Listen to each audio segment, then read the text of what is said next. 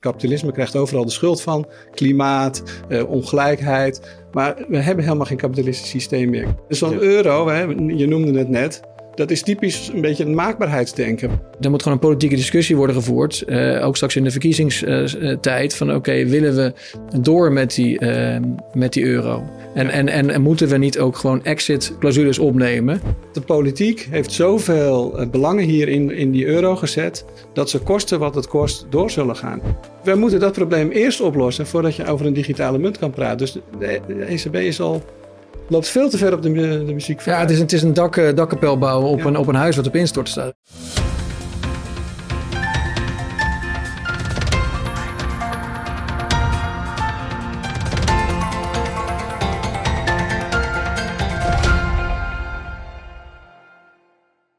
Hallo allemaal en welkom bij weer een, een, nieuwe aflevering van Holland Gold Interviews met mij Paul Buitink en mijn co-host Joris Beemsteboer. Uh, allereerst uh, wil ik uh, iedereen bedanken voor het kijken van onze video's. Er wordt massaal gekeken en dat vinden we natuurlijk fantastisch. Dus ga ermee door en abonneer je op ons kanaal. verder, het evenement wat we 20 januari gaan organiseren is reeds uitverkocht in een paar weken. 800 man gaan komen in Leusden en dan gaan we naar fantastische sprekers luisteren en uh, gezellig met elkaar eten en drinken. Uh, dus als je nog geen kaartje hebt, helaas, het is echt uitverkocht. Er is geen plek meer beschikbaar. Maar hou onze site in de gaten voor de video's. Ook ons YouTube-kanaal. Daar wordt natuurlijk na het event de video's snel gepubliceerd. En, en schrijf je ook in voor de nieuwsbrief. Als je op de hoogte wil worden gesteld van nieuwe events. Want we gaan hier gewoon ook in de toekomst nog mee door. Dan de gast van vandaag, Harry Geels. Harry, welkom. Welkom. Ja. Jij eh, bent werkzaam bij eh, vermogensbeheerder Aureus, maar je bent ook schrijver van boeken over technische analyse. Uh, je spreekt, uh, of ik bedoel, je geeft les aan het Actuarieel Instituut en schrijft voor Financial Investigator. Um, ik ben jou recent op het spoor gekomen omdat ik ook in de video van Madelon Vos een, een, een matrix langs zag komen over de verschillende alternatieven voor de euro of de verschillende hervormingsroutes die de euro uh, kan, kan nemen. En uh, recent is natuurlijk heel veel gesproken over de, over de euro en over noodplannen. Kaag moet openheid van zaken geven over wat voor noodplannen er liggen. Mocht de euro weer in problemen komen. Die plannen liggen er al tien jaar. ook heeft Lex Hoogduin recent een onderzoek gepubliceerd over de kosten van als we in de euro blijven zitten in een, in een transferunie terechtkomen. Dat gaat dan over meer dan 600 miljard over de komende 40 jaar kosten. Um, dus ja, genoeg redenen om eens te praten met iemand die uh, tien jaar geleden al... Uh, 2014, ja. Ja, origineel komt uit 2012, toch? Zag je? Ja, ja, ja. ja. ja, ja. En de laatste update 2014, uh, de verschillende uh, ja, routes en, en, verschillende hervormingen op papier heeft gezet. En, en die ook heeft gerangschikt van, nou, van wat is nou het beste voor, voor het volk. Daar gaan we met jou over praten. Ehm, maar eerst gaan we praten met jou over wat voor jou heel belangrijk is de verschillende politieke economische systemen die er zijn uh, en, en waar we nu in zitten, namelijk corporate socialisme. En daar is eigenlijk ook de euro uit voortgekomen. Dus daar gaan we het eerst met je over hebben. Wat, waarom is dat onderwerp zo belangrijk voor jou? Nou, ik vind eigenlijk van hoe, hoe ontstaat een euro en in welke politiek omgeving hè, komen al die nieuwe oplossingen, kunnen die vallen? Dan moet je denk ik toch eerst even uitzoomen naar ja, de, het bredere plaatje. En ik, ik, uh, ik beschouw veel, ik analyseer veel en ik, ik, ja, ik, ik denk dat het goed is om stil te staan bij welk systeem wij nu hebben. Om te kijken welke oplossing daar het beste bij past. En ik erger me inderdaad ook wel een beetje, op, vooral op social media, het afgeven op bepaalde systemen. Terwijl als je goed nadenkt, dat systeem helemaal niet meer bestaat. Ik heb het bijvoorbeeld over het kapitalisme, krijgt overal de schuld van. Klimaat, eh, ongelijkheid. Maar we hebben helemaal geen kapitalistisch systeem meer. Ik heb er ook een keer uh, een column over geschreven voor Financial Investigator. Heeft heel veel acties en heel veel reacties opgeleverd. Ja, en ik denk dat het goed is om toch even te benoemen. Ja, want we hebben geen kapitalisme, uh, zeg je. Wat, uh, waar zitten we dan nu in? Nou ja, wat we uh, eigenlijk, als we terugkijken, begin jaren tachtig, toen is met Reagan en Thatcher is het neoliberalisme ontstaan. Hè, dus het afschaffen van regels. Dat heeft heel veel goed gebracht. Hè, want we kwamen, in de jaren, we kwamen uit de jaren zeventig met heel veel uh, ja, uh, uitgaven van de overheid, hoge inflatie, geen economische groei meer. Totale inertie. En nou, er moest iets komen. En ze zijn Reagan en Thatcher begonnen met de Big Bang, het afschaffen van heel veel regels.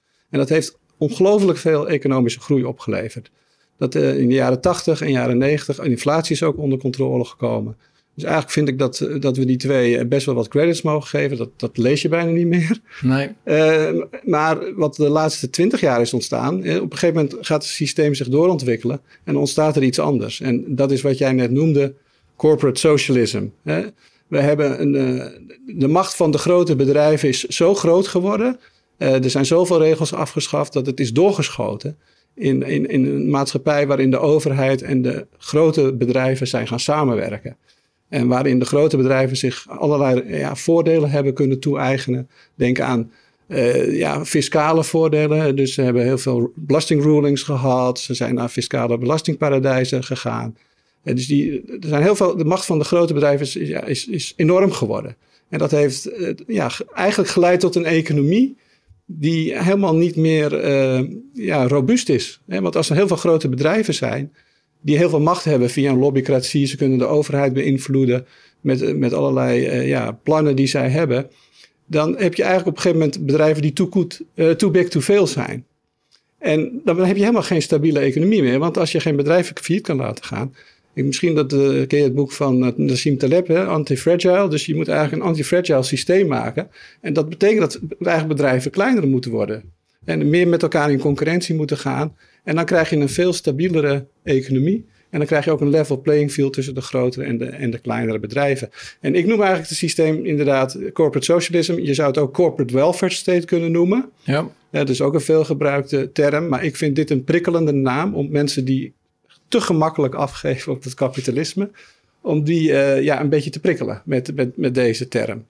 En uh, je ziet ook dat dat corporate socialisme heeft, heeft ook de voedingsbodem kunnen zijn voor bijvoorbeeld het World Economic Forum, waar die grote bedrijven en de overheid uh, gaan samenwerken en ideeën gaan uh, bedenken voor de toekomst. En, en het is ook een beetje het maakbaarheidsdenken is weer teruggekomen. Hè. Wij maken wij gaan wel even bepalen hoe de, hoe de wereld eruit moet zien. Ja. En zo'n euro, hè, je noemde het net, dat is typisch een beetje een maakbaarheidsdenken. Want we hebben nooit goed nagedacht, vind ik, toen we de, met de euro kwamen, even afgezien van het feit dat hij nooit democratisch is geïntroduceerd. Nee. Uh, hoe, uh, of, of we wel in een optimale currency area zitten, hè, zoals Robert Mundell, Nobelprijswinnaar, dat noemt. Ja, en we, we gaan even in beeld het plaatje brengen waarin je dat uh, corporate socialisme centraal stelt, waarin we nu zitten. En ik ben het ook met je eens.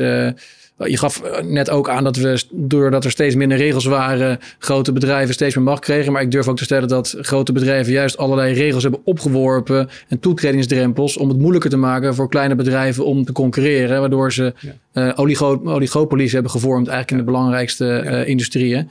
Maar als we dat plaatje zien, uh, dan zien we een aantal krachten die wel inwerken op dat corporate socialisme. Dat zijn de driehoekjes. misschien dat we er een paar kunnen uitlichten. allereerst een neo-egalitarisme. Wat bedoel je daarmee? In hoeverre werkt dat in op dat corporate socialisme? Ja, nou ja, het, het idee is hè, van dit plaatje, we gaan van het ene systeem naar het andere. Het is actie uh, tegen reactie. Zo is het altijd. Ik geloof niet in complot. Hè. De maatschappij ontwikkelt zich door krachten en tegenkrachten. Nou, we zijn dus van het neoliberalisme naar het, corporate socialisme gegaan. En inderdaad zijn er nu dus tegenkrachten.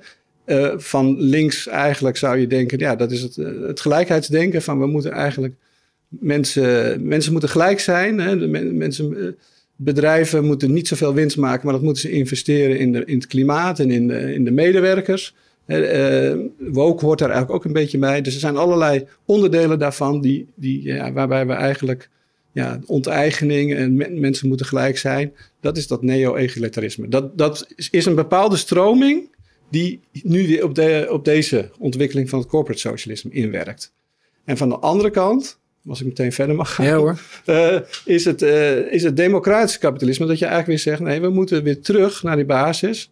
Uh, waarbij we de democratie en de vrijheid herstellen. Maar vooral ook het level playing field tussen die grote en die kleine bedrijven herstellen. En ook hebben wat de, ja, de, de scheiding der machten, die ook helemaal weg is. Hè, omdat bedrijven en overheid en zo met elkaar verweven zijn, dat je dat ook weer herstelt. Dus dat je eigenlijk weer teruggaat naar het begin. En eigenlijk het de kapitalisme, wat het eigenlijk voor bedoeld is, hè, het prijsmechanisme dat ontstaat door de wisdom of the crowd, dat je dat herstelt. Want dat is eigenlijk het enige mechanisme dat uiteindelijk de innovatie en economische groei ontwikkelt. Ja, want wat ik zie op, op plaatjes, je hebt neo-egalitarisme en democratisch kapitalisme. De neo-egalitarisme is wat groter dan de ander. Ja. Bedoel je daar ook mee dat we nu dat dat op dit moment de grootste invloed heeft? De Ja, wisdom dat- of crowds? Ja, dat, eh, dat geloof ik. Ja, dat, Ja. de- de- de- als je ook de kranten leest en, en eh, ja, de media goed volgt, dan is daar nu heel veel aandacht voor. Hè. Denk, denk gewoon aan het neodecolonialisme, wat ik nu noemde. Hè. We moeten schuld bekennen, we moeten misschien zelfs dingen teruggeven. Eh, dat, gelijkheid, mensen zijn gelijk, we zien geen kleur. Nou, dat soort dingen, dat is wel een belangrijke beweging. En die beweging die ik noem, die is wat minder eh, dominant inderdaad. Daarom heb ik niet een kleiner driehoek. Ja. Oh ja. Ja, zo, zo bedoel ik het eigenlijk. En recent heb ik met eh, Bob de Witte gezeten, ehm, hoogleraar aan de Nijrode, Strategic eh, Studies. Eh, hij eh, is voorstander van meer eh, regionale initiatieven. Dat noemt hij Society 4.0. Dus ja, meer macht bij de kleine ondernemer, bij de regio. Eh, past dat ook in, in jouw beeld? Ehm, ben jij bijvoorbeeld ook voorstander van wellicht dat Nederland zich zou moeten terugtrekken uit, de uit de Europese Unie of uit de eurozone? Nou, zover ben ik nog niet. De, euro, de EU heeft wel heel belangrijke voordelen. Ik denk wel dat we moeten kijken wat we wel en niet binnen de EU regelen. Ik denk dat er nu een beetje te veel inderdaad de nadruk ligt. We moeten alles maar internationaal doen. Maar je kunt ook wel kijken, dit, dit past beter om het gewoon regionaal te regelen. ja. Dus het is, het is wel een beetje dat ik ja, daar wel die richting op ga inderdaad. Maar de EU-afschaffing gaat mij nog te ver. En je gaf net een disclaimer, ik, ik geloof niet in complotten. Tegelijkertijd geef je heel duidelijk aan dat eh, agenda's worden bepaald mede bijvoorbeeld eh, in Davos, waar big business samenkomt met, met overheden. Ehm, het lijkt mij voor de hand liggend dat ze daar ook met elkaar agenda's doornemen en waar focus moet liggen. Ja, Dat zou je toch kunnen zien als, als een, een, een, iets, een samenzwering of iets wat wordt besloten waar wij niet bij betrokken zijn. Nee, ik denk dat het meer een uiting is van de huidige maatschappij waarin we leven, dat zoiets mogelijk is. En er zijn dan weer tegenkrachten die dat uiteindelijk misschien wel weer aan banden leggen. Dus eh, ik geloof niet dat het per se een complot is. Dat er iemand zit die dit bedenkt, dat we dit Maar dat de pharma het prettig vindt dat er heel veel vaccins worden uitgerold. eh, dat is iets wat, eh, wat neem ik aan toch ook wel besproken wordt eh, binnen dat soort... Vast wel, vast wel. Maar dat is mogelijk geworden omdat wij in een systeem terecht zijn gekomen waarin die grote bedrijven zoveel macht hebben gekregen. En dat is niet goed, want we moeten eigenlijk terug naar een antifragiele economie met kleine bedrijven met meer concurrentie en uiteindelijk meer economische groei en ook lagere prijzen. Ik denk uiteindelijk dat de consument ook de gebaat is bij een, bij een democratisch kapitalisme. En hoe krijg je betere concurrentie en wat voor concrete maatregelen zouden we dan moeten nemen? Nou, in ieder geval, je zou grote bedrijven. je- je- er is genoeg research dat grote bedrijven eh, minder investeren, minder innoveren uiteindelijk. En de, die vertraagt het werk voor de economische groei. Je moet maar eens kijken, ieder decennia neemt onze economische groei af. En ieder decennia neemt de macht van de grote bedrijven toe. Het is bijna een soort correlatie. Dan wil je ze opsplitsen, die grote Ik bedrijven. wil hele grote bedrijven gewoon opsplitsen. Ja. Banken bijvoorbeeld. Waarom moeten dat zo mega conglomeraten zijn? Je kunt een zakenbank apart zetten. Je kunt een vermogensbeheerder apart zetten. Eh, beleggers kunnen zelf al spreiden over die, eh, die ondernemingen. Dat hoeven niet grote conglomeraten te zijn. Die hebben te veel macht. Too big, too veel. En uiteindelijk is dat niet goed voor de stabiliteit en innovatie van een economie. Je wil maximum bedrijf, bedrijfsgrootte. Ja, precies. Ja. Ja, oké, interessant. Ja, dan, eh, dan een stapje, het bruggetje naar, naar eh, de euro. Ehm, je gaf al aan dat zoiets als de euro ook in het hele maakbaarheidsdenken eigenlijk alleen maar tot stand kan komen in een, in een eh, milieu van, van corporate socialisme. Want als je de, meer het democratisch kapitalisme had gehad en de burger had een stem gehad, hadden we misschien de euro niet gehad. Zoals in Denemarken en Zweden, waar het volk wel werd geraadpleegd bij de voorafgaande de invoering. In. Nederland niet. Het is er gewoon doorgedrukt. Ja. Het is een politieke munt. Ehm, eh, kun je dat verder eh, toelichten of inkleuren? Ja, precies. Nou, ik had het over dat, eh, dat maakbaarheidsdenken. Dus waarbij grote bedrijven en, en, overheid ja, bepaalde dingen gewoon willen. In Nederland is het inderdaad de euro. We hebben een, het, het heeft bij mij weten nooit echt heel duidelijk in de verkiezingsprogramma's gestaan. Eh, er is nooit, volgens mij ook tijdens de verkiezingen, uitgebreid over gediscussieerd of we dit wel of niet willen hebben. Sterker nog, er waren voor de introductie van de euro heel veel rapporten dat wij in Europa geen, wat, wij, wat Robert Mundell, Nobelprijswinnaar, een optimal eh, currency area noemen.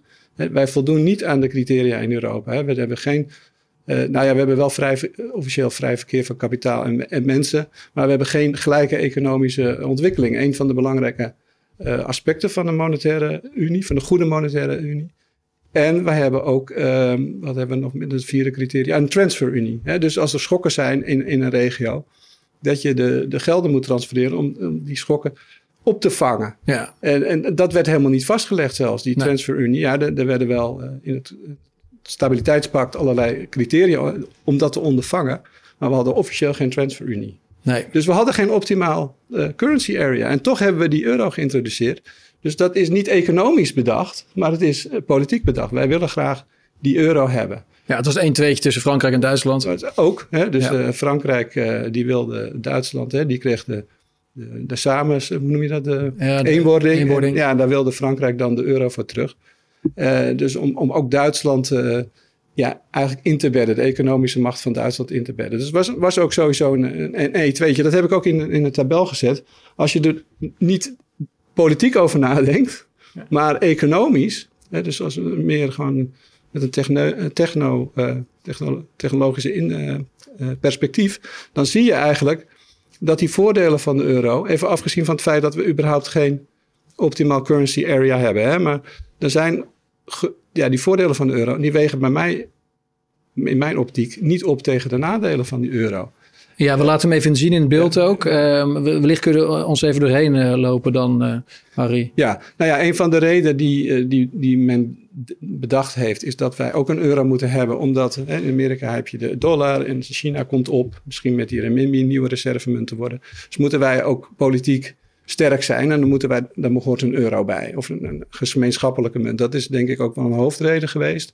Nou, een andere voordeel is dat je hè, makkelijker hè, betalingsverkeer hebt. Dus vooral voor die grote bedrijven handig. Hè. Ja, ook voor de consument ook wel handig. Ook wel voor je, de consument ja. als je op vakantie gaat. Maar ik denk tegenwoordig met digitaal betalen eh, wordt de valuta gewoon automatisch uh, afgerekend. Dus dat is ik was zelfs op vakantie, uh, zelf op vakantie in Egypte uh, vorige week. En daar kon ik ook gewoon in uh, Marsalam met euro betalen met de biljetjes. En ja. kon ik heel makkelijk iedereen tippen en betalen voor excursies en, en andere zaken. Dus ja. gewoon lekker cash, euro. het is, dus dat geeft wel wat, wat waarde. Het is, ja. ik ben absoluut nog steeds eurosceptisch. Maar voor, voor het eerst in een lange tijd kon ik weer een beetje ervaren... wat ook wel weer de voordelen zijn dan mogelijkerwijs van, van zo'n euro. Maar goed, daar krijgt hij drie punten voor in jouw... ja. Ja, precies. Omdat je tegenwoordig met digitaal betalen heel makkelijk ook die omwisseling hebt. Ja. Aan de achterkant. Uh, nou ja, en het derde argument wat pro is, is hè, dat je eigenlijk een, een, een, Duitsland laat opgaan in een groter economische geheel. En de macht van Duitsland wat kunt inbedden. Waarom is dat zo belangrijk? Dat, nou, ik denk dat dat Frankrijk belangrijk uh, vindt. Dat is misschien ook. Sommige mensen zeggen dat dat de oorlogsdreiging ja, ja. daardoor beperkt in Europa. Hè. We hebben natuurlijk veel oorlogen gehad. Dus dat zou, nog, dat zou dan ook nog een argument kunnen zijn. En als laatste is dat de euro, dat heeft men bedacht, een bindende ja, politieke factor gaat worden. Hè? Dus dat we ons meer één voelen. Maar ik heb dat ook doorgetrokken naar rechts. Het kan ook tegen, tegen je werken. Als namelijk die euro uh, zorgt voor allerlei, uh, ja, zoals een splijtswam gaat uh, fungeren. Dus dat je eigenlijk een divergerende economie krijgt. Dat daar kom ik zo nog even op uh, die vergerende economieën. En, dan, en ook ja, dat mensen die euro niet omarmen daardoor, doordat ze denken dat allerlei economische problemen ontstaan door die euro, dan kan het ook dus tegen je werken. Dus het kan gemeenschappelijke factor creëren, maar het kan ook een, een, een politieke splijtswam worden tussen staten. En dat heb je wel gezien de laatste twintig jaar. Dus dat is, uh, kijk, wat belangrijk is, dat, dat je in een zone zit waarin je gelijke economische groei hebt. Maar eigenlijk is het grootste probleem de weeffout van de euro noem ik dat altijd. Dat het is een gemeenschappelijke munt voor een heel diver, diverse, divergerende regio. Dus hij is, de munt is eigenlijk een gemeenschappelijke waarde. En voor de Italië is die bijvoorbeeld dan te duur, hè, dus waardoor het export, ja, exporterende bedrijven in Italië er last van hebben. En voor ons is hij te goedkoop, waardoor onze exporterende bedrijven er voordeel van hebben. En ja, gemeenschap, de, ja, gemiddeld genomen werkt dat dan niet. Ja, nee. het, ons bedrijfsleven heeft voordeel van, maar het Italiaans bedrijf heeft er nadeel van. En per saldo denk ik dat het uh, ja, de economische groei in de eurozone belemmert en zorgt voor divergentie. Want je komt daar niet meer uit als Italië. Als die munt constant te duur is voor jou, kun je je niet meer eruit weg exporteren. Je kunt je niet meer uit weg devalueren. Dat nee. gaat niet meer. Dus dan krijg je een steeds grotere economische divergentie. En dat is die splijtstam die, die ik uh, benoem. En je hebt ook één rentetarief. Dat werkt ook niet. Als een land heel goed functioneert economisch, oververhit raakt op de huizenmarkt, dan moet je eigenlijk de rente daar verhogen. Dat kan niet. Nee. in zo'n eurozone. Dus er zitten eigenlijk twee weeffouten in. Hè? De, de munt, die eigenlijk gemeenschappelijke waarde aangeeft. Voor het ene land is dat te duur, voor het andere land is dat te goedkoop. One size does not fit all. En hetzelfde geldt eigenlijk voor de rente. Dus economisch gezien kan een euro of alleen werken als je heel dicht tegen elkaar aan zit. Zowel economisch als cultureel. En dat is niet, eh, niet het geval. Er zitten te veel weeffouten in het systeem. Ja. Maar dan die, die punten, die, dat is natuurlijk redelijk arbitrair. Je, hebt dan, eh, je komt uit de plus 19 min 41, dus duidelijk meer nadelen dan voordelen. Maar dat is natuurlijk eh, iemand anders, met name als je bijvoorbeeld in Brussel werkzaam bent. Kun jij wat meer punten toekennen aan eh, het feit dat ze een alternatieve reservemunt hebben bijvoorbeeld. Dus dit, dit, is- dit is, Ja, dit mijn- gaf aan, het is technocratisch slash wetenschappelijk, maar dit is nog steeds redelijk arbitrair, toch? Dit is redelijk arbitrair, maar waarom ik dit doe, ik, kijk, ik heb de wijsheid niet in pacht. Hè? Maar ik vind dat er, als je, dat er te veel discussies plaatsvinden waar men, men zomaar wat roept. Van de euro is goed voor ons. Ga maar eens naar de televisie luisteren. Ja. Hoe, hoe vaak iemand dat hoort zeggen. ja, hier niet hoor, in deze En dan, nee, maar dan denk ik, ja, maar leg dat dan eens uit. Heb jij ook zo'n soort eh, gemaakt? Ik sta open voor discussie. Hè? Ja. Ik heb de wijsheid niet in pacht. Maar dit, dit soort manieren stelt je wel in staat om een open en transparante discussie te voeren. En de euro is niet goed voor iedereen. Ja, de euro is wel goed, bijvoorbeeld voor het exporterend bedrijfsleven in het noorden. Maar het is slecht voor het exporterend bedrijfsleven in het zuiden. Het is niet goed voor onze koopkracht als, de, als wij een hele lage rente hier gebruiken om de economie in gang te houden, om zo Italië overeind te houden, krijgen wij te weinig spaartegoed. Eh spa- eh, spaarvergoeding. Dus het is niet goed voor de spaarders en gepensioneerden. Nee. Dus wa- waarvoor is het wel en niet goed? En dan kan je zo'n matrix, en er is, van, er is van alles op te merken, ik ben het helemaal met je eens. Maar laat me op die manier eens over een munt eh, praten. En dat, dat gebeurt bijna niet. Het is alleen maar politiek, het is Ja. alleen maar maakbaarheidsdenken. We moeten die euro hebben. Nou, eh, overtuig mij dan maar eens met alle nitty-gritty daarachter. Ja, dit geeft een goede basis voor, voor discussie in ieder geval. Ja. Nee. Die probleemanalyse is, is helder. En die hebben we hier ook met eh, vele andere sprekers eh, besproken. En wat zo mooi is eh, aan jou, Harry, is dat je ook niet enkel een, een probleemanalyse in een scoremodel hebt samengevat, maar dat je ook ehm, alle verschillende, althans, dat was toen, dit waren toen in 2014, in 2012, een beetje die, die periode tijdens de vorige eurocrisis, waren wat jou betreft dit de verschillende manieren om de euro te hervormen.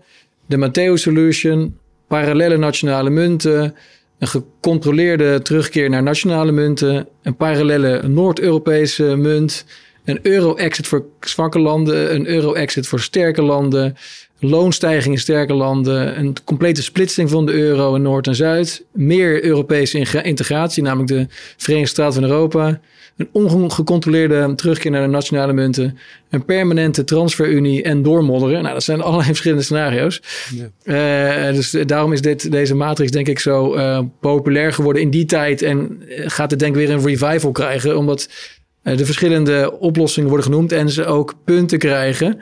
Ehm, waarbij één oplossing er uitspringt. Die is bijna helemaal groen, de Matteo Solution. Ehm, we gaan de verschillende ehm, scenario's voorstellen. Gewoon even, even doorlopen. Ehm, Ik denk misschien één opmerking vooraf. Hè? Ja. Dus ik, eh, dit is dus in eh, 2014 ontwikkeld. Hè? Dus het heeft eigenlijk geen update meer gehad. Ineens werd hij weer door verschillende mensen eh, van stal gehaald, zullen we ja, zeggen. Ja, Eh, destijds heeft hij inderdaad de nodige publiciteit gehad. Het is een idee geweest van eh, Pieter Levenbach, wilde ik wel even bijzetten. Maar ik heb hem helemaal zelf ingevuld. Ik heb zelf alle scenario's die toen de tijd veel genoemd werden in, in de kranten. Van wat zouden we kunnen doen? Want let wel, in 2010 hè, ontstond er die eurocrisis. Hè? Dus toen stond de euro er nog eigenlijk veel slechter voor dan, eh, dan we nu hadden. En nu is het weer, weer aan de orde. Je ziet, eh, omdat het systeem inherent labiel is, hè, dat er de weeffouten in zitten, zul je iedere keer zien dat, Ja. dat die euro weer in de problemen komt. Het gaat weer een tijdje goed en dan gaat het weer een tijdje niet goed. En dan wordt het weer eh, actueel, zo moet je het zien. En, maar dit was toen actueel, ook heel erg. En toen kwam het inderdaad ook op de tv. Een aantal mensen hebben het eh, rondgetweet. En, eh, maar het heeft inderdaad geen, geen update meer gehad. Dat moet ik er wel bij zeggen. Ja. nee. Maar ben, want we hebben nu discussie dan dat Kaag, eh, en we nemen dit eh, op, op maandag eh 21 november op. We publiceren het altijd redelijk snel. Ehm, maar ja, de komende dagen verwacht ik toch wel dat Kaag een keer doorkomt met het informeren van de Kamerleden over de noodscenario's die klaar liggen als de euro weer eh, gaat eh, wankelen. Ik heb net nog getweet of, of, of Omzicht en Epping, de, twee kamer, de Tweede Kamerleden, die daarom gevraagd hadden, al wat gehoord hadden. Want dat zou binnen enkele weken worden opgeleverd. En dat was alweer een maand geleden.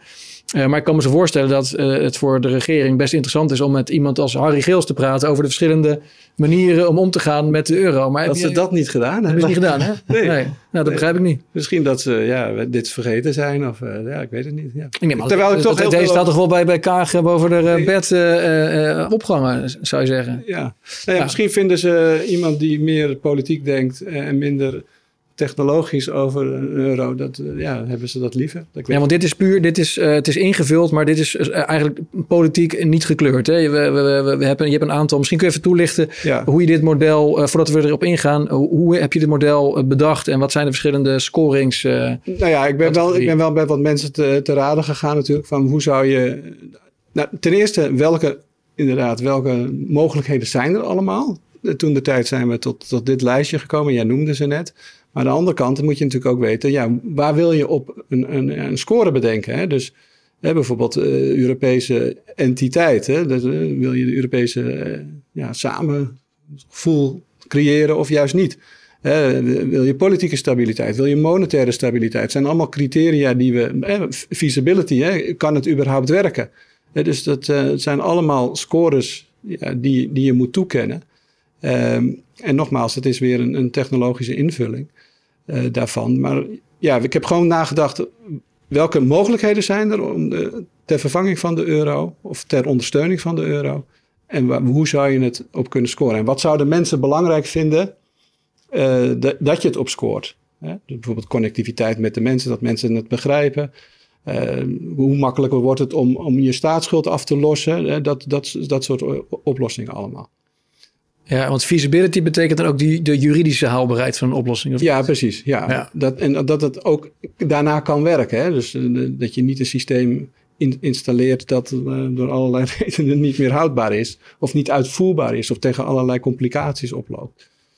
En uh, wat, waar, ja, waar we toen erg bij bezig waren in, in 2010 toen de eurocrisis begon. En, en dat, de jaren daarna. Is dat er eigenlijk niet gesproken werd ook nu, nu officieel is er dus, eh, blijken er plannen te zijn, dat er wel andere. Maar toen was het niet mogelijk om iets, iets anders op te werpen. Ja, er werden wel plannen opgeworpen, we moeten het anders doen. Maar de ECB blijft maar doorgaan. En dat heeft dus uiteindelijk geleid uh, in Draghi, whatever it takes. Ja, in 2012 was dat. Die, die eurosysteem zoals we het nu hebben, whatever it takes, dit gaan we volhouden. En daar heeft hij uiteindelijk een negatieve rente voor nodig gehad. Heeft hij het opkopen van staatsleningen van andere landen voor nodig gehad. En dat is een, een muddling through. Niet, niet de problemen in de eurozone benoemen, die weeffouten die ik net noemde, hè, one size does not fit all. Dat, die, dat, dat werd niet aangepakt. Dus we bleven maar doorgaan. En dat heeft ja, uiteindelijk gewoon heel veel geld gekost. En in, uiteindelijk ook een transferunie opgeleverd. Hè? Want er zijn coronabonds gekomen tijdens de ja, de, de, Next Generation. Uh, Next Generation. En we hebben het nu over nieuwe coronabonds ter, voor de energiecrisis of voor, de, voor het financieren van de oorlog. Dus, uh, want, want twee die echt heel erg slecht uit, uh, uitsteken, dat is, is het doormodder scenario. De, de, daar, uh, die krijgt maar 10 punten. Ja. En je kunt een maximale score van 56 punten halen. Dat is maar 18% scoren. Dus dat betekent volgens mij dat voor de gemiddelde Europese burger is dit het slechtste scenario. Ja, omdat de weeffouten niet worden opgelost. Ja. Er een, een transferunie zit daar automatisch bij. Hè? Want je moet, als je doorgaat, moet je allerlei kunstgrepen uithalen wat de centrale bank ook heeft moeten doen. Hè? Draghi heeft eigenlijk gewoon zorg, voor gezorgd dat die eurozone overeind bleef. Dus we zitten eigenlijk in die trend. We zitten nu in die onder uh, ene laatste. Hè? Uh, overigens gaan we dit ook. We hebben het al een paar keer in beeld gebracht. Maar we gaan dit ook uh, met een link uiteraard onder de video zetten. Dat mensen het even rustig terug kunnen pakken. En ook de Spotify-luisteraar raad ik aan om even die auto te parkeren. En toch maar even naar de matrix te kijken. Maar, ja, maar er zitten inderdaad nog steeds in dat muddling on scenario. Maar en ook wel een beetje in die transfer union. ja, en tegenwoordig sinds corona weten ja. we ook dat we officieel in een transfer union Ja, want we hebben eurobonds. En, ja. Terwijl we dat nooit zouden doen. Hè? Laten, we voor wel, laten we daar even wel over zijn. Het regeerakkoord uh, ja, vorige Rutte kabinet. Vorige Rutte ja. kabinet stond in dat we geen eurobond zouden doen. Ja. En uh, ja, dat stond ook in, de, in het verkiezingsprogramma van de meeste partijen die hebben deelgenomen aan die regering. Dus, dus het was wel een ondemocratisch. Uh, dat was al sowieso een ondemocratisch. Het is alleen maar ondemocratisch geworden. Ja. ja. dat is ook wat mij opviel. Je hebt uh, de bovenste Matteo Solution. Dat is een oplossing met alleen maar de hoogste score. Ja. Alleen, we zijn bezig op dit moment met de laagste score. De twee dingen die de laagste scoren op jou, met jouw matrix. Ja, ja, zoals ik dat dan zie. Hè. Dus die, het is niet democratisch. Het wordt eigenlijk niet goed overlegd. Er verdwijnt geld van noord naar zuid. Dat kan allemaal ten, ja, voor een politiek belang zijn. Dat, dat, dat begrijp ik ook wel. Uh, die euro is gewoon niet, uh, het eurosysteem is niet volmaakt. En dan, daar moet je oplossingen voor bedenken. Overigens zeg, zeg, zeg ik niet dat, zeggen de meeste economen. Hè. Wim Boomstraat zegt ook, ja, als je de euro wil hebben, dan moet je ook bijvoorbeeld gemeenschappelijk schuldpapier hebben. Anders werkt zo'n euro natuurlijk. Ja, ja. dat blijft hij uh, benadrukken dus eens. Ja. Hij blijft dat ook benadrukken. Dus er zijn meerdere economen die dit. die nou, dat is het, het grappige tussen zowel links als rechts. iedereen is het erover eens dat de huidige opzet niet gaat werken. Dus je moet of naar, uh, die heb je ook staan, de, de More European Integration eigenlijk, de United, United States of, of Europe. Ja. Die scoort al wat beter in je matrix.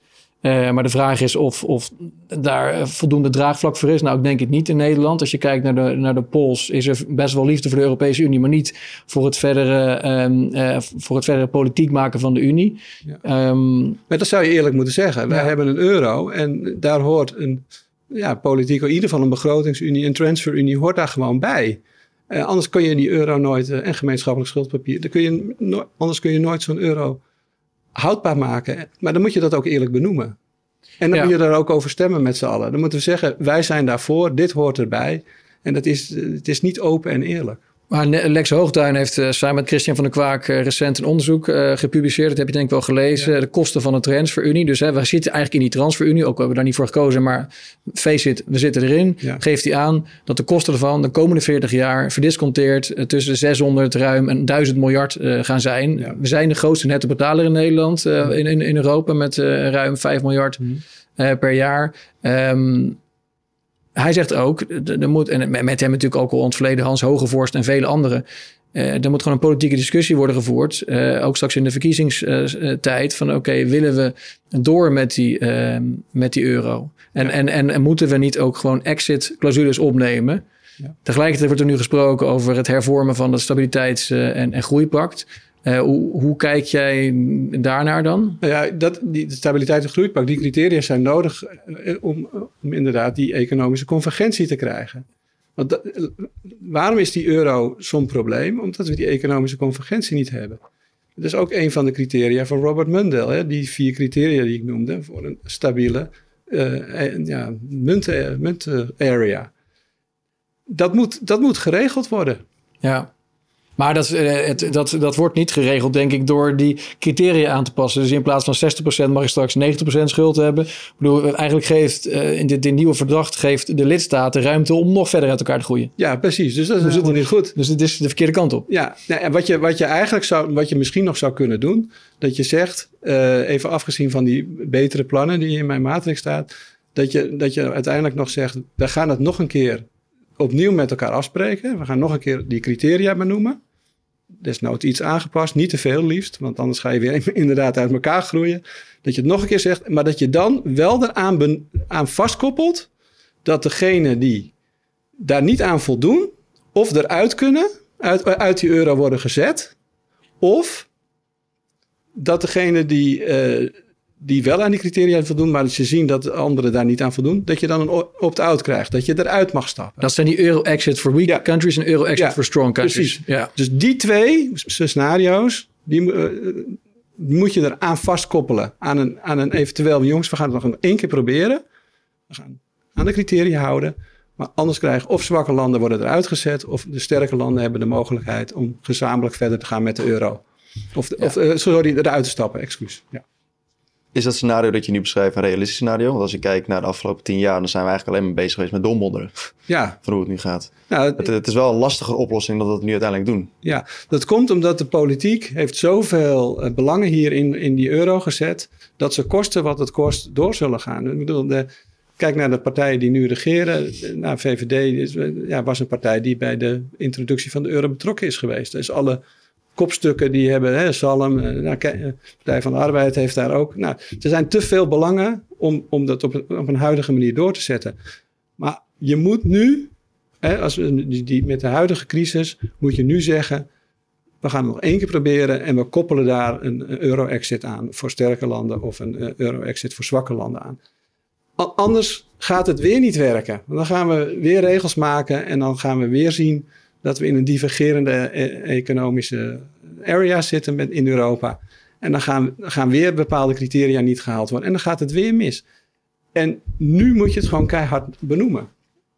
Ja, politici willen natuurlijk niet het risico lopen dat uh, under their watch, als zij uh, aan, het, aan de macht zijn, dat dan het systeem instort. Dus ze zullen altijd kiezen voor uh, doormodderen en stiekem die, die transferunie uitbouwen. En wellicht hopen ze nu met die hoge inflatie dat dan die schuldposities beter houdbaar worden. Ja, maar de vraag is of je überhaupt ooit in een situatie komt dat je een gelijke economische groei hebt en dat je één geharmoniseerd, en zoals in de Verenigde Staten, dat is eigenlijk een van de weinige munten. Kijk, kijk naar het verleden, naar de 200, 300 muntunies die er ooit in de wereld zijn geweest. Er zijn er heel weinig over. Er is maar één succes en dat is Amerika. En als je kijkt, kunnen wij ooit één Amerika worden? Eén Verenigde Staten van Europa, waarin we allemaal één taal spreken, waarin we het bedrijf in Florida net zo makkelijk eh, zaken kan doen met een bedrijf in uh, California zoals wij hier in Europa. Dat gaat niet gebeuren. Eh, dus, wij zijn zo cultureel verschillend. Wij hebben zo economisch uh, verschillende regio's in, in, in Europa. Ik vind het, dan kom ik weer terug op de eerdere punt van de discussie.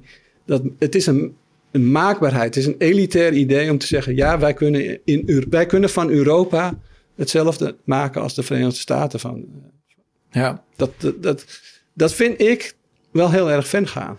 Maar ik denk wel dat er binnen Europa wel regio's zijn die heel prima op elkaar lijken. Bijvoorbeeld eh, Nederland, Duitsland, Oostenrijk. Die kun je prima aan elkaar koppelen en in, in, een, euro's, in, in een euro zetten. Of noem het een andere munt. Wat ja, dat is nummertje vier eigenlijk. Heb bijvoorbeeld die Parallel Northern European Currency of Eurodivision. Die hebben met elkaar te maken. Ja, ik denk alleen dat de Eurodivision is dan wat meer in, in, als er strijd is en het wordt opgesplitst. Terwijl en dan heb je natuurlijk ook twee appartementen. Terwijl bij parallel uh, heb je de euro en daar parallel aan een Noord-Europese munt. Ja. Dus een euro in combinatie met euro. Ja, precies. Dat kan toch ook werken.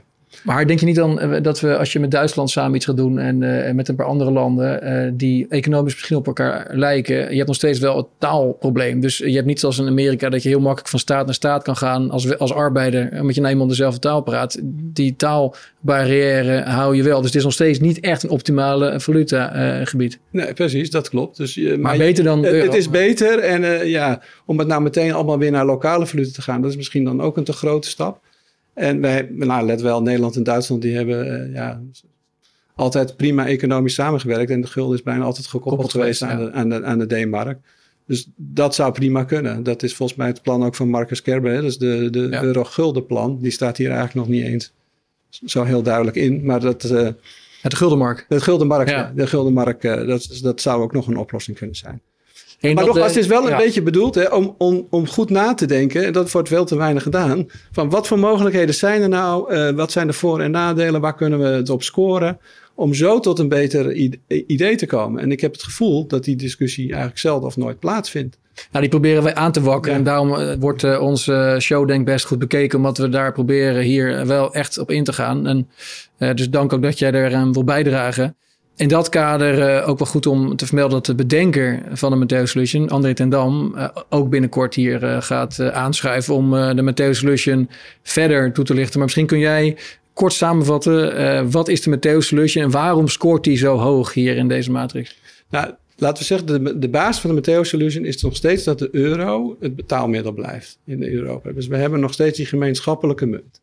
Wat, wat er zo ingenieus is aan dit plan, is dat Ten Damme heeft bedacht, wij, uh, je, hebt je meerdere functies van het geld. Hè? Je hebt, geld is betaalmiddel, geld is rekeneenheid en geld is oppotmiddel. Hè? Dus je hebt drie functies van geld.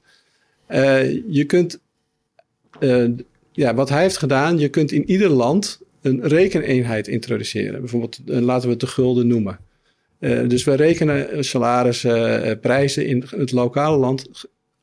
We, we rekenen gewoon in guldens maar je betaalt in euro's. En het voordeel, dat noem je ook de numeraire, dus de, de, Willem Buiter heeft ooit iets gezegd, dat is de meest onontgonnen gebied van, hè, van uh, onderzochte gebied van geld. Wat, wat eigenlijk best heel ingenieus is om, om ook op, die manier alleen met geld om te gaan. Gewoon puur als rekeneenheid. Je krijgt je salaris, zeg 5000 euro per maand, krijg je in, uh, sorry, 5000 gulden. Uh, in, uh, in rekeneenheden. Maar je kunt, zodra je het uit de automaat trekt, krijg je euro's. En het voordeel daarvan is dat je lokaal ook kunt eh, devalueren of revalueren van je munt. Of je kunt een eigen rentebeleid voeren op die rekeneenheid. Dus wat er dan kan gebeuren is dat je op een gegeven moment zegt, nou het gaat economisch zo goed in Nederland. We revalueren de gulden. Je krijgt daar meer euro's voor terug. Je, je kan je koopkracht behouden. En Nederland en Duitsland ook hebben de afgelopen decennia hun rijkdom mede gehad door een sterke munt. Nou, dat zijn we kwijtgeraakt.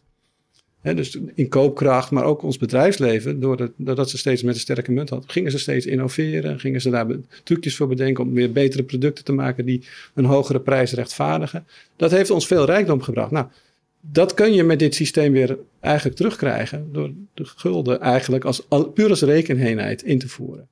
Zo, zo kun je alsnog je koopkracht weer terugkrijgen als gewone burger in dit land. Maar Ten Dam kan het ongetwijfeld nog verder en uh, nog beter uitleggen. Maar de, de, flexibiliteit zit erin dus dat we gewoon een eigen rentebeleid en een eigen valutebeleid hebben. Middels de rekeneenheid in een land. Maar je blijft gewoon betalen in euro's. En dat is het voordeel. En dan kun je het eigenlijk ook heel makkelijk introduceren. Want de euro blijft namelijk gewoon bestaan, gedragswettelijk. Ja. Maar eh, even concreet maken, ik uh, ga op vakantie naar, naar Griekenland. Um, zie ik dan twee prijzen op de menukaart staan? Ja, de, precies, ja. de Griekse euro en de gewone euro, de drachma en euro. Ja, precies. Dus ik zie een, een bijvoorbeeld uh, in, in drachmas kost het dan, uh, een kopje koffie kost 1 euro en in gewone euro's kost het 2 euro. Ja. Maar ik betaal gewoon met de euro. Ja, precies. Ja, ja, ik heb daar wel honderdduizend uh, vragen over. Met name over hoe je dat uh, op een manier gaat uh, introduceren. zonder dat je kapitaalvlucht krijgt. Als ik het goed begrijp, als je dit gaat introduceren, dan Um, zal voor de Griek ook... Uh, is bank... kapitaal. De, de, de is alleen een rekeneenheid. Ja, maar op het moment dat je als Griek van tevoren weet van... oké, dit uh, wordt ingevoerd... dan ga je natuurlijk je, je, je te goed bij de bank... Ga je uit Griekenland halen... en stal je ergens op een Noord-Europese rekening. Want je banktegoed gaat ook door de helft. Ja, dat zou een keer op zondagnacht. Uh, ja, dan wordt het weer zo'n uh, maak. Nou, maar dat zou dan weer meer een beetje een corporate socialism truc zijn om dat een keer in het weekend te doen, waar je als burger niet in wordt gekend. Het zou andermaal een ondemocratisch besluit zijn in de toch al ondemocratische euro. Maar dat was de democraat. Ja, dat was de euro ook bij de introductie. dus ja, je moet, je, moet het, je moet ergens tot een oplossing komen. Maar, maar dat, ja. dat is misschien hè, dat is leuk om deze discussie te voeren. Dan zou je dit ook in je maaktest kunnen opnemen. Dit, is misschien een, dit zouden wat eh, aftrekpunten zijn, misschien in het systeem. En daarom is het goed dat we deze discussies hebben. Ja. Het is eigenlijk ja, bijzonder dat ik na zoveel jaren eigenlijk nu een inhoudelijke discussie hierover. ja, weet later nooit. Ja, ik heb het toen wel gedaan met wat mensen, maar ja. het is, het is ja, maar dat, dat, daar is het voor bedoeld. Niet dat ik de wijsheid in pacht heb. Nee, eens. En ik vind het leuk om jou dan te challengen, maar jij hebt dit gewoon uh, samengevat. En uh, dus ik hoop ook dat die uh, discussie va vaker wordt gevoerd. Um, er is ook natuurlijk het nodige um, veranderd qua technologie de afgelopen jaren. En, en, het gesprek wat nu heel veel wordt gevoerd is over de digitale euro. Mm -hmm. er is deze woensdag ook een, een Kamerdebat over. Uh, zelf is mijn standpunt van joh, volgens mij moeten we eerst hierover praten van oké, okay, willen we die euro überhaupt en in welke vorm uh, voordat we gaan praten over of er een, een nieuw uh, smoelwerk op moet. Want de digitale euro, ja, leuk en aardig, maar als je het hier niet over eens wordt of je besluit om, om eruit te stappen, dan, dan kan je die hele digitale euro natuurlijk niet eens doorvoeren of, of op een hele andere manier. Dus deze discussie is denk ik belangrijker dan die over de digitale euro, die ook gevoerd moet worden hoor. Want het ziet er somber uit als straks de, de ECB eh, te veel macht krijgt over onze portemonnee. Maar ik denk dat dit toch echt wel belangrijk is. Ja, ik vind dat die hele discussie loopt eigenlijk uh, veel te ver op de muziek vooruit. Inderdaad, wat jij zegt. De euro is, heeft weeffouten. Het systeem is niet uh, goed. er horen echt, we moeten nog veel meer dingen regelen, zoals Wim Boomstra ook zei. We moeten eerst een gemeenschap. De euro werkt in, niet als we geen gemeenschappelijke schulden hebben, ik noem maar wat dus we moeten dat probleem eerst oplossen voordat je over een digitale munt kan praten. Dus de, ECB is al, loopt veel te ver op de, de muziek. Ja, het is, het is een dak, uh, dakkapel bouwen op, een, op een huis wat op instorten staat. Weet je, dat is gewoon niet. Uh, Precies. we, kunnen, uh, kunnen best voordelen aan zitten. We kunnen daar ook uitgebreid over discussiëren of je dat wel of niet zou moeten doen. Ik zie eigenlijk de noodzaak niet. Hè? Dus als je de drie criteria noemt die de centrale bank zelf noemde, sociale inclusie en dat soort dingen. een beter systeem, een robuuste financieel systeem en ik zie dat voor Europa eigenlijk niet, die argumenten nog niet. Uh, maar, maar, wat jij zegt is helemaal juist. We moeten eerst de euro repareren. Ja, voordat we, voor zover dat nog Voordat we een digitale euro maken. Ja. En heb je nog andere dingen die... Want uh, bedoel, recent was uh, Klaas Knot ook nog in gesprek met Twan Huis. Toen werd het goud erbij gehaald van de DNB. je kent ook vast wel de ideeën van Jim Rickards en Jan Nieuwenhuis over het herwaarderen van goud. Om op die manier de problemen in de eurozone op te lossen. Europese centrale banken hebben nou eenmaal veel goud. Op het moment dat, dat, ze, dat ze een prijsdoel zetten van nou we gaan het allemaal opkopen voor 5000 euro of, of 10.000 euro per troy ounce. dan neemt de waarde toe van het goud op de uh, balansen van de centrale banken en kunnen ze, hebben ze een buffertje om bijvoorbeeld schulden af te, af te schrijven. Ja. Uh, zou dat een manier kunnen zijn om die euro te, eh, te, te, herstarten of te dat verbeteren? Zou, dat zou zeker een onderdeel daarvan kunnen zijn. Misschien is een, een, een soort van light goud standaard is, zou, zou ook nog bij kunnen. In de, kan die, ja, die zouden kunnen we toevoegen. Zouden we nog kunnen De 2022 versie. Ja, ja, ja. dat zou mooi zijn. Ja, ja. Nee, dat uh, zou zeker kunnen. Ik uh, ben daar helemaal geen tegenstander van. Je zou ook, kijk, je zou ook breder kunnen trekken. Je zou ook naar uh, digitale social, de, de, de, deposit rights van de IMF. Hè. Je zou de, de, IMF ook een grotere rol kunnen. De SDR. ja, de SDR, sorry. die zou je hier ook aan, aan toe kunnen voegen. Dus er zijn er eventueel wel meerdere scenario's die, die, die er ook in betrokken kunnen worden wat, je, wat je nu ziet en wat, wat je, als, je, als je naar het gesprek luistert, dan weet je dat er problemen zijn met de euro. Mhm. Eh, we komen nu waarschijnlijk in een recessie in 2023. En ja. ook steeds meer geluiden, wat je ook hoort in de Telegraaf, uh, eh, FD. Wat kan je zelf als persoon doen? Ik heb bij spreken, ik ben net beginnen met werken. Uh, ik begin nu te sparen, begin wat op te bouwen. Wat kan ik als persoon doen om mijn vermogen hier veilig doorheen te ja. lozen. Nou, als je zeker met een, uh, een onrustige wereld en waar, je niet, waar mogelijk een soort van reset plaatsvindt, destijds uh, in, uh, eventueel in de eurozone, maar misschien ook nog wel een grotere monetaire reset wereldwijd, het zou kunnen. we zijn er nog steeds in dat muddling on scenario, dus dat zou nog best wel lang voort kunnen duren. Maar dan praat ik heel even als beleggingsadviseur is, uh, ik denk dat we naar een wereld gaan waar inderdaad meerdere uh, valutaire en economische machtsblokken ontstaan. En dat je niet van tevoren weet waar, uh, ja, wie, wie, daar als beste uitspringt. Dus Amerika is misschien ook, heeft ook van alles aan op te merken en de, de dollar is al heel mega sterk geworden. Dus wij, wij raden onze klanten altijd aan om, om wereldwijd toch te gaan spreiden. En, en zo, dus over verschillende valuta's. Want je weet niet welk blok uiteindelijk wint. En daar krijg je een soort valutaspreiding voor in je portefeuille. Maar ook gewoon door verschillende beleggingscategorieën te doen. Hè? Dus aandelen, eh, obligaties, misschien ook alternatives, ook grondstoffen. Uh, dus het, hele palet, afhankelijk van de marktsituatie. Als je niet weet ja, hoe een economie, de wereldeconomie zich gaat ontwikkelen, welk scenario nou precies ja, van, zal, zal gelden, moet je eigenlijk zo verstandig mogelijk met je geld omgaan. Dus eigenlijk wat Joodse koopmannen al, al eeuwen geleden zeiden: hè, je doe een derde in land, doe een derde in koopwaren, doe een derde in geld, cash.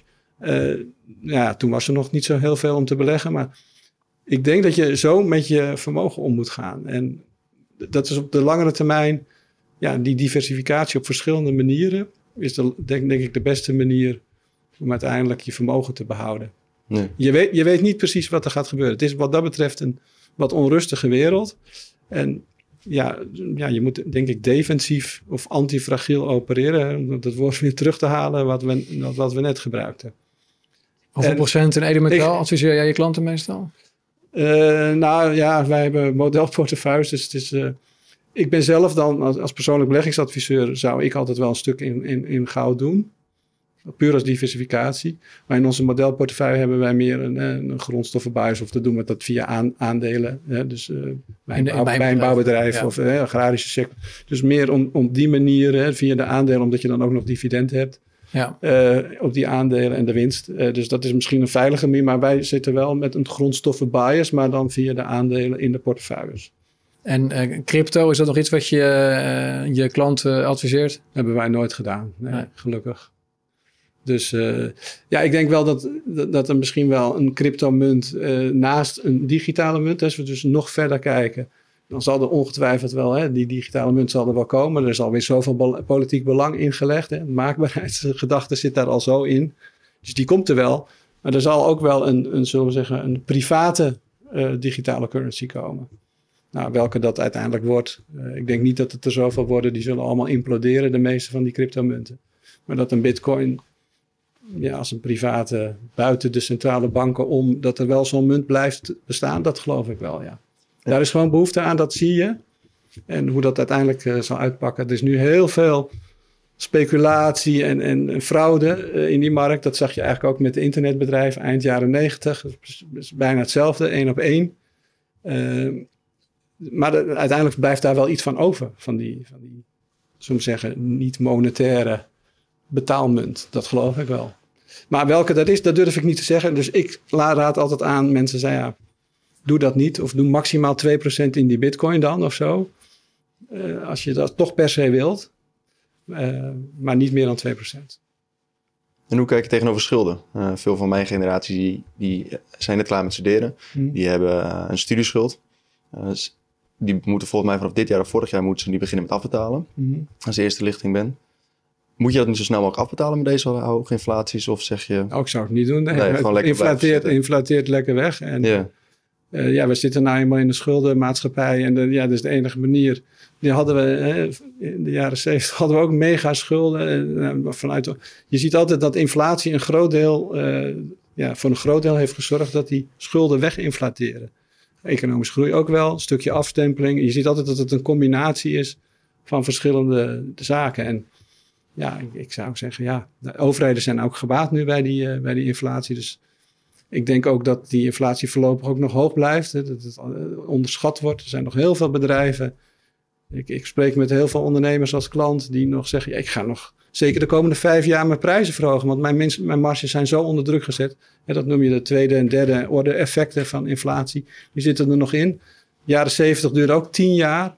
Uiteindelijk is inflatie pas opgelost toen overheden zijn gaan bezuinigen. Dus vergeet niet, we hebben het altijd over het monetaire aspect van inflatie. Dus dat de centrale banken dat zouden doen. Het is een samenspel tussen overheden. En dus veel, dus veel uitgevende overheden en ruim stimulerende banken. Dat veroorzaakt inflatie, centrale banken. Als je dat wil oplossen, dan moeten ook de overheden weer gaan bezuinigen, et cetera. Dus uh, ja, overheden zijn ook gebaat bij, uh, bij inflatie ik, zou, ik vind het niet erg om schulden te hebben, laten we zeggen. Hm. Ja, dat is natuurlijk een beetje een dubbele. Dat enerzijds de centrale banken met renteverhogingen proberen de inflatie af te remmen. Eh, maar dat de nationale overheden door al hun compensatiemaatregelen en enorme begrotingstekorten die inflatie nog veel harder aanwakkeren dan wat de centrale bank kan proberen te, te verminderen. Dus ja. Maar nu, nu we toch met een, eh, een vermogensbeheerder aan tafel zitten, hoe kijk je naar de vastgoedmarkt in, eh, in Nederland specifiek? Wat zeg je tegen je klanten? Uh, pandjes bijkopen of juist even pas op de plaats? Uh, ik nu pas op de plaats, want er is zoveel regelgeving over die markt uitgestort. Uh, ik zeg altijd, de overheid werkt uh, pro-cyclisch. Toen het goed ging met, met de vastgoedmarkt, toen kregen we de jubelton en et cetera. Dus de rente werd ook steeds lager, toen werd de markt gestimuleerd. En nu zien we eigenlijk dat de pendulum swing helemaal de andere kant op gaat. Dus er komen steeds meer regels, rente gaat omhoog. Dus eigenlijk heeft die huizenmarkt ja, een, een dubbel whammy tegen zich. Hè? Dus je moet, je moet oppassen nu. Maar net zei wel, schulden zijn op zich, op zich goed. Ja, als je het kan kopen uh, ja, met schuld, ja, dan zou dat eventueel kunnen. Maar ik denk dat dat ook niet meer zo makkelijk is. Banken lenen niet meer zoveel geld voor, uh, voor een tweede of derde huis. Dus, en afgezien daarvan, ik denk dat die markt gewoon even tot rust moet komen. En uh, wat lager moet worden. Want ik denk ook niet dat de rendementen heel hoog zijn als je het wil verhuren. Dat is ook nog een complicatie. Hè? Dus eventueel de huurders, caps, die misschien gaan komen. We leven wat dat betreft in een ja, overgereguleerde maatschappij. Dus ik denk dat die vastgoedmarkt, uh, ja, dat je even moet de kat uit de boom. Ik vind het wel interessant, maar nu niet, denk ik. Op dit moment. Nee, en dan uh, als laatste vraag. Uh, je bent ook technisch analist. als je naar de euro-dollar koers kijkt, wat, wat zijn je verwachtingen? Gaat de euro, de euro is wat sterker geworden de afgelopen weken weer? Ja, je ziet langzaam topvorming in de, in de dollar. Dus bodemvorming in de euro. ik ben ja, die trend heeft heel lang geduurd. Hè. De trend is your, dat even technisch analyse. Trend is your friend until it's about to end. En uh, ik denk dat we tegen about to end aanzitten met de, met de dollar. als je ook naar Amerika gaat, het is, het is veel te duur. die munt is ook op basis van koopkrachtpariteit mega duur geworden. En, ik begrijp het. Hè? De, de euro's-gebied is zwak, is vol met weeffouten. En daar hebben we het net uitgebreid over gehad. maar de dollar is misschien nu wel te duur geworden. Oké. Ja, dus uh, naar je klanten uh, ben je, je bent voor spreiding, maar misschien iets minder gewicht uh, in de dollar. Iets minder gewicht. Ja, de rente is nu wel hoog. Je kunt dus een dollar deposito denk ik voor 4% nu afsluiten. Oké. Dat is op zich wel interessant. Ja. Maar ik zou dan nogmaals terugkomen op waar we het net over hadden. Zo breed mogelijk spreiden over verschillende valuta, want we weten het uiteindelijk niet. Ja, geef je geen financieel advies trouwens. Dit zijn algemene, Heel goed dat je het uh, generalistische uh, dingen die je zou kunnen doen, maar niet specifiek per persoon. Maar dat hangt helemaal af van ieders eigen situatie natuurlijk. Precies. Ja. Nou ja, super leerzaam, interessant. heb jij nog vragen? Nee, ik heb verder geen vragen. Waar kunnen mensen jou het beste vinden? Op internet zoeken. Dan vanzelf bij Niet in de gouden gids, maar gewoon op internet. Ja, mooi. Ja. Maar die, uh, met name LinkedIn ben je heel erg actief. Ja. Dus daar schrijf je ook, daar komen je, je stukken ook. Um, en dan natuurlijk de Financial Investigator. Is dat ja, daar publiceer ik mijn stukken. Ja. ja. Dat is gewoon openbaar uh, beschikbaar. Gratis en ja. En natuurlijk uh, op Aureus. als mensen wat meer willen weten over vermogensbeheer, dan zijn ze bij jou ook welkom. Graag zelfs. Nou, superleuk. Dankjewel, Harry. En, uh, ik hoop dat ze je gaan benaderen voor, uh, om hierover te praten in Den Haag. Dit is een mooi discussiestuk, denk ik zo. Ik sta er open voor. Nou, helemaal goed. Dankjewel. Dankjewel.